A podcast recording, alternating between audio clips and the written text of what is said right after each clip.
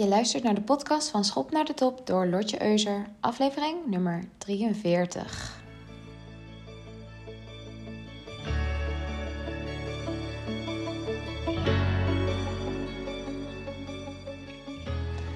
Goedemorgen. Vandaag gaat de aflevering over hoe je moeilijke keuzes maakt.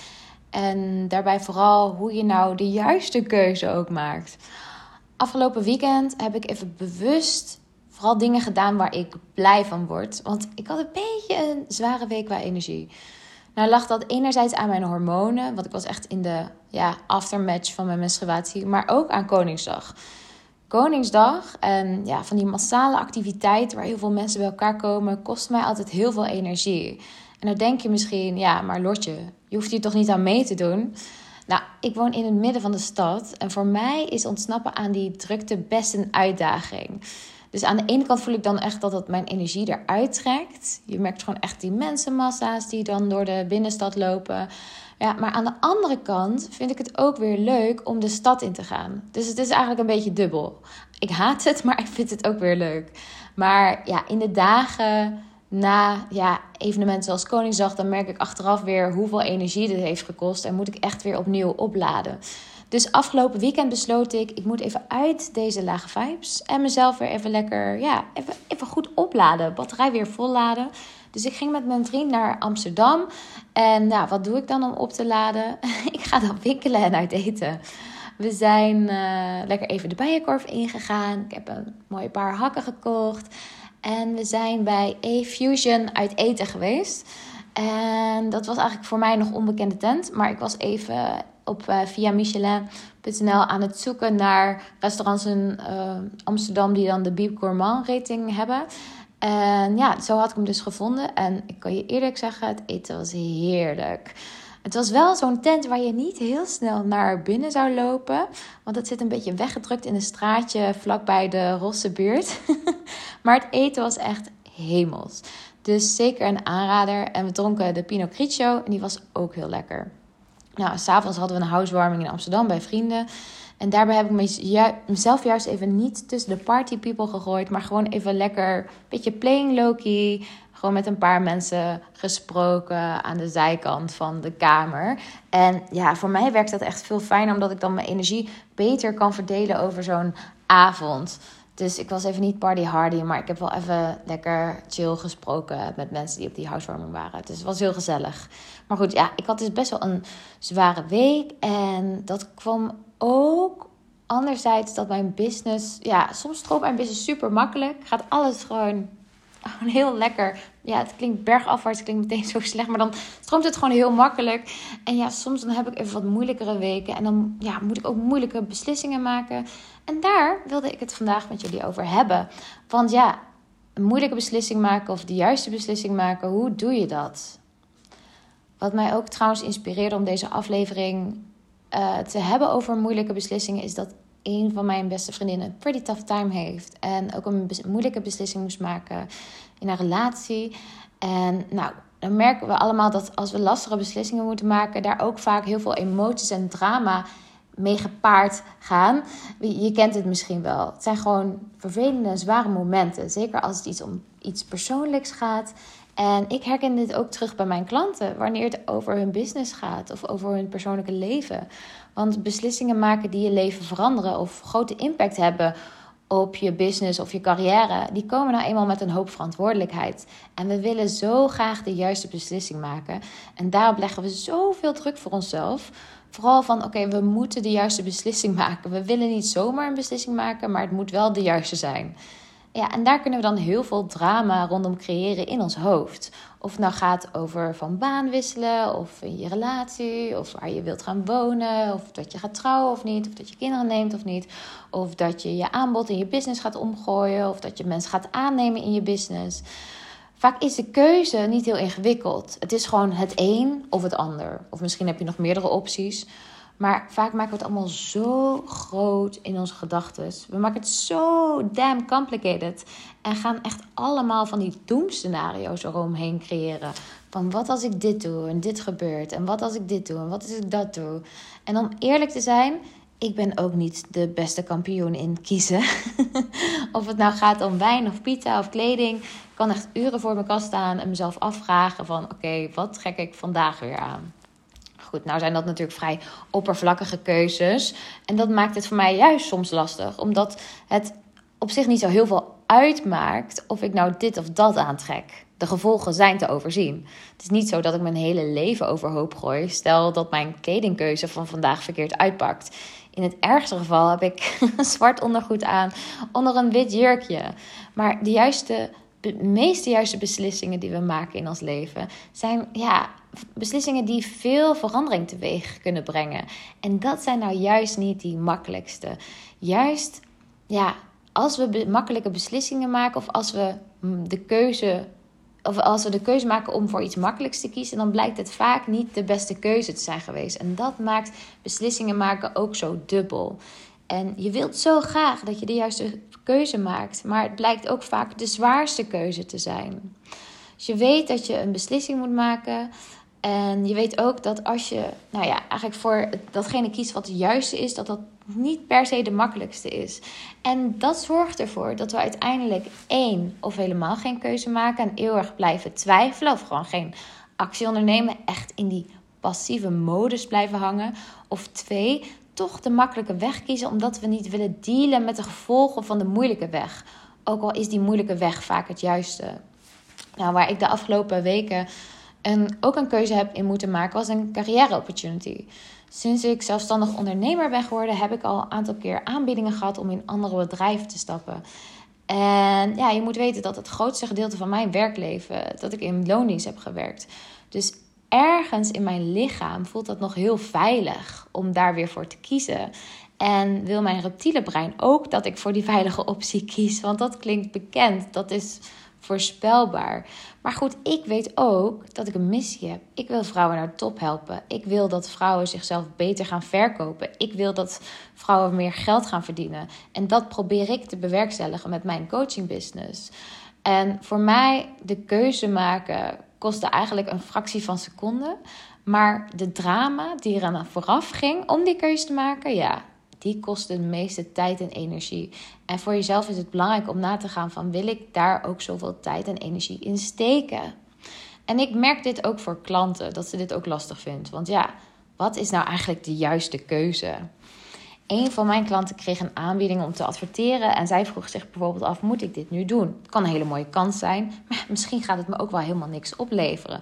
Een andere klant die was aan het adverteren op Facebook en ze had echt helemaal geen goede resultaten daaruit. En zij vroeg zich af, moet ik nou mijn Facebook advertentiespecialist, moet ik die nou ontslaan? Een ander van mijn klanten um, overweegt een nieuwe opleiding te beginnen. Ja, hoe hak je dan de knoop door en blijf je niet in het oneindige twijfelen? Nog een klant twijfelde over haar prijs en haar aanbod. Gaat ze haar aanbod omgooien? Gaat ze haar prijzen veranderen? Uh, misschien niet nu, maar dan over een bepaalde tijd. En dan over hoeveel tijd? Um, eh, hoe erg gaat ze dan haar prijzen veranderen? Moet ze echt haar hele aanbod omgooien? Of maar een deel ervan? Of houdt ze haar oude aanbod en maakt ze een nieuw aanbod ernaast? Zoveel dingen vragen we ons af in ons leven. Als allereerst wil ik je adviseren. Laat het beslissingsmakingsproces niet te lang sudderen. Anders maak je jezelf helemaal gek. Beslis gewoon voor jezelf: oké, ik ga nu de keuze maken of als je er nu nog niet klaar voor bent, dan beslis je dat je gewoon over een half jaar of een paar maanden de beslissing gaat maken.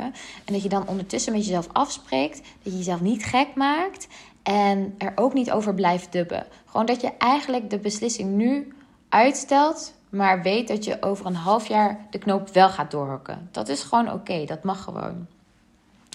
Dus um, maak jezelf niet gek en spreek voor jezelf af: oké, ik ga nu die beslissing maken. Of ik uh, zet het even in de ijskast. Ik ga er nu niet meer mezelf helemaal gek mee maken. En ik besluit het over een bepaalde tijd. Dat mag ook. Daarnaast willen we natuurlijk ook dat als we kiezen dat het juist is. En misschien merk je dat ook wel aan jezelf, dat je jezelf enorme druk oplegt om vooral niet de verkeerde keuze te maken. Maar ja, wat is nou juist en wat is nou verkeerd? Of wat is nou onjuist? Eigenlijk is de juiste keuze maken makkelijker dan je denkt. Want jij bepaalt of het een juiste keuze is, ja of nee. Er is niemand anders die kan oordelen over jouw keuzes. Niemand anders die kan bepalen voor jouzelf of het een juiste of een verkeerde keuze is. Jij zegt gewoon: Oké, ik bepaal nu dat dit een juiste keuze is. En that's it. En als je dan op zo'n splitsing staat in je leven en je legt het voor aan je vrienden en je familie, wat de meeste mensen neigen te doen, dat is een hele natuurlijke reactie. Nou, dan krijg je eigenlijk, ja, dan krijg je hun perspectief op wat voor jou de juiste keuze zou zijn. Maar om eerlijk te zijn, zij kunnen daar niet over oordelen. Ze kunnen vanuit empathie zich verplaatsen in jou en dan advies geven. Maar toch speelt die conditionering die zij hebben ook mee. Of de ervaring die zij hebben opgedaan. Praat ik bijvoorbeeld tegen mensen die failliet zijn gegaan door in iemand anders business te stappen, dan is de kans groot dat ze het afraden aan me. Praat ik met mensen die hier hele goede ervaring mee hebben, ja, dan gaan ze het me aanraden. Maar wat is nu juist? Wie bepaalt nou wat juist is? En ik zit er soms ook wel eens in vast. Dan weet ik ook niet wat te doen. Dan denk ik ook van oké, wat moet ik nu doen? En dan overleg ik ook wel eens met mijn familie of met mijn coach. Maar mijn coach zegt dan tegen mij: ja, weet je, ik kan die keuze niet voor jou maken. En zij zegt dan vooral dingen als: wat voel je zelf? Wat voel je zelf in je lichaam? En ik wilde graag, gewoon, graag horen van haar: geef me gewoon het juiste antwoord. Bepaal even voor mij wat juist is. Maar dat kan dus niet. Jij alleen kunt voor jezelf bepalen wat voor jou goed is. Wat voor jou de juiste keuze is. Jij bepaalt het en jouw gedachten bepalen het. En jouw gevoel in je lichaam bepaalt ook of iets juist of niet juist is als ik mijn keuze om weer in een ander bedrijf te stappen had voorgelegd aan mijn vrienden, hadden ze misschien wel ja gezegd, want ze vonden het een hele mooie kans voor me. En ik zei uiteindelijk toch nee. En hoe komt dat dan? Ja, omdat ik degene ben die moet dealen met de consequenties van die keuze en mijn vrienden niet.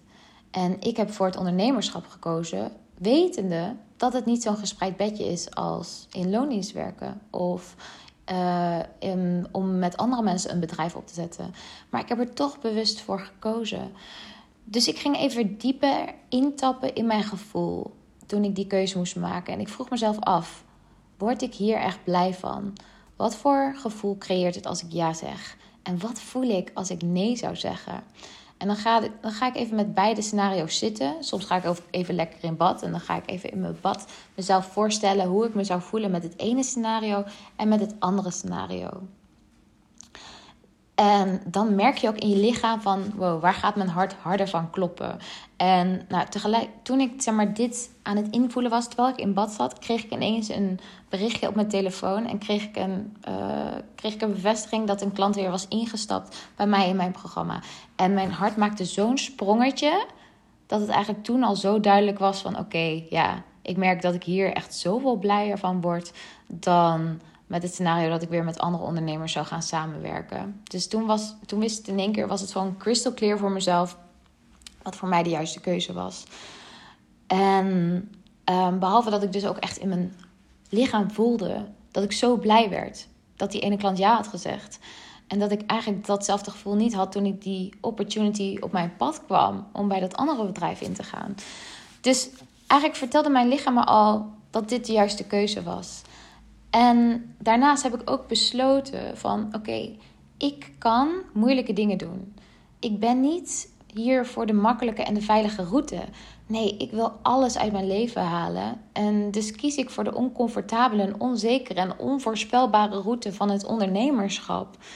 En nou, dat is dus mijn, wat mijn gedachten zijn over gewoon mijn pad blijven vervolgen als ondernemer. En vervolgens geeft me dat het gevoel van vastberadenheid. Heb ik dat gevoel dan ook wel eens minder? Ja, zeker. Zoals afgelopen week.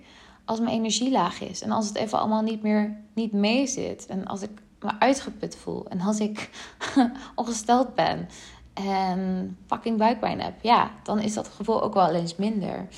Maar vervolgens is dan aan mij, heb ik de verantwoordelijkheid als ondernemer om te zorgen dat ik weer in die higher vibes kom. Nou, voor mij is dat dan naar de bijkorf of uit eten. Maar misschien is dat voor jou lekker de natuur in, wandelen of muziek luisteren of dansen.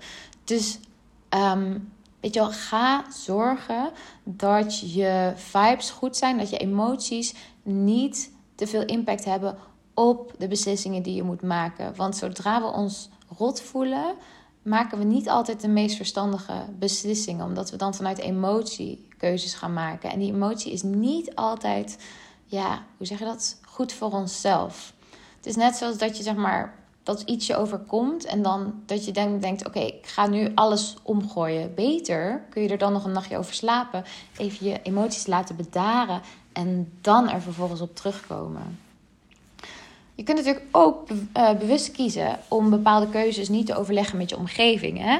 Maar dat je, dat je die alleen overlegt met je coach of met een vriend waarvan je weet, ja, die zit er gewoon vrij onbevooroordeeld in. Ik heb dit bijvoorbeeld met mijn vader. Mijn vader kan heel goed de voor's en tegens afwegen in beslissingen. En hij kiest daarbij niet voor mij, maar hij kan wel heel goed helpen afwegen en relativeren omdat hij mij kent. En dat werkt voor mij heel goed. En hij kan ook zeg maar zijn emoties dan ja, los van wat hij voelt of wat hij ervan vindt, loskoppelen van die situatie. En dat is gewoon heel fijn. Het is heel objectief. Dat voelt heel objectief en dat voelt heel prettig. Maar ik heb ook mensen in mijn omgeving, ja, die staan er heel anders in. En daarmee heb ik bewust gekozen om niet over bepaalde keuzes te praten. Of bepaalde uitdagingen in mijn leven of bepaalde problemen. Dat zijn gewoon niet de juiste mensen daarvoor. En dat is oké. Dat zijn weer mensen om andere dingen mee te doen. Soms komen mensen ook gewoon met argumenten en ze bedoelen het goed, maar ze helpen je uiteindelijk helemaal niet, helemaal niet verder. Ze praten meer vanuit hun eigen conditionering, vanuit hun eigen verhaal, vanuit hun eigen ja, prioriteiten, van wat zij belangrijk vinden in het leven. Um, ja, daarbij speelt natuurlijk een rol waar, uh, de manier waarop mensen zijn opgegroeid en wat ze hebben meegemaakt. En, maar dat is niet zeg maar, jouw conditionering, dat is niet jouw leven, dat is niet jouw manier van opgroeien, wat jou is meegegeven, wat jij hebt meegemaakt.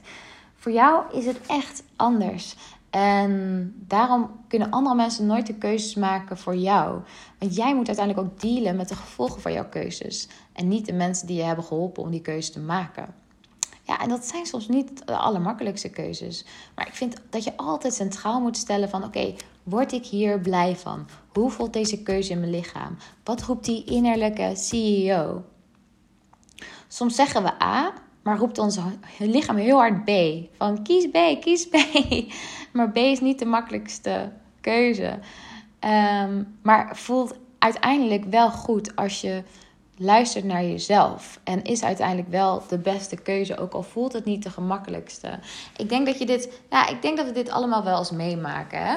Bijvoorbeeld of je nou op een date bent of zo met iemand. En nou, op papier klopt die man helemaal. Maar je lichaam zegt toch gewoon: eh, eh, dit is hem niet. En je kunt niet echt ja, de vinger op de zere plek leggen waar het nou aan ligt. Maar gewoon alles in je lichaam schreef van nee, dit is hem niet, dit is hem niet. En dan vind ik ook gewoon dat je... Je hoeft niet altijd rationele argumenten te hebben om een keuze te maken. Het mag ook gewoon vanuit het gevoel komen. Vanuit echt die intuïtie. En dat noem ik dus die innerlijke CEO. Die jou vertelt van oké, ja, ik, ik kan het niet beargumenteren. Maar het voelt niet goed, dus ik doe het ook gewoon niet. En daar mag jij ook meer naar luisteren. Luister goed naar die innerlijke CEO. Luister goed naar je intuïtie. Wat vertelt je lichaam je? Hoe voelt het in je lichaam? Word je er blij van? Krijg je lekkere die higher vibes als je daaraan denkt?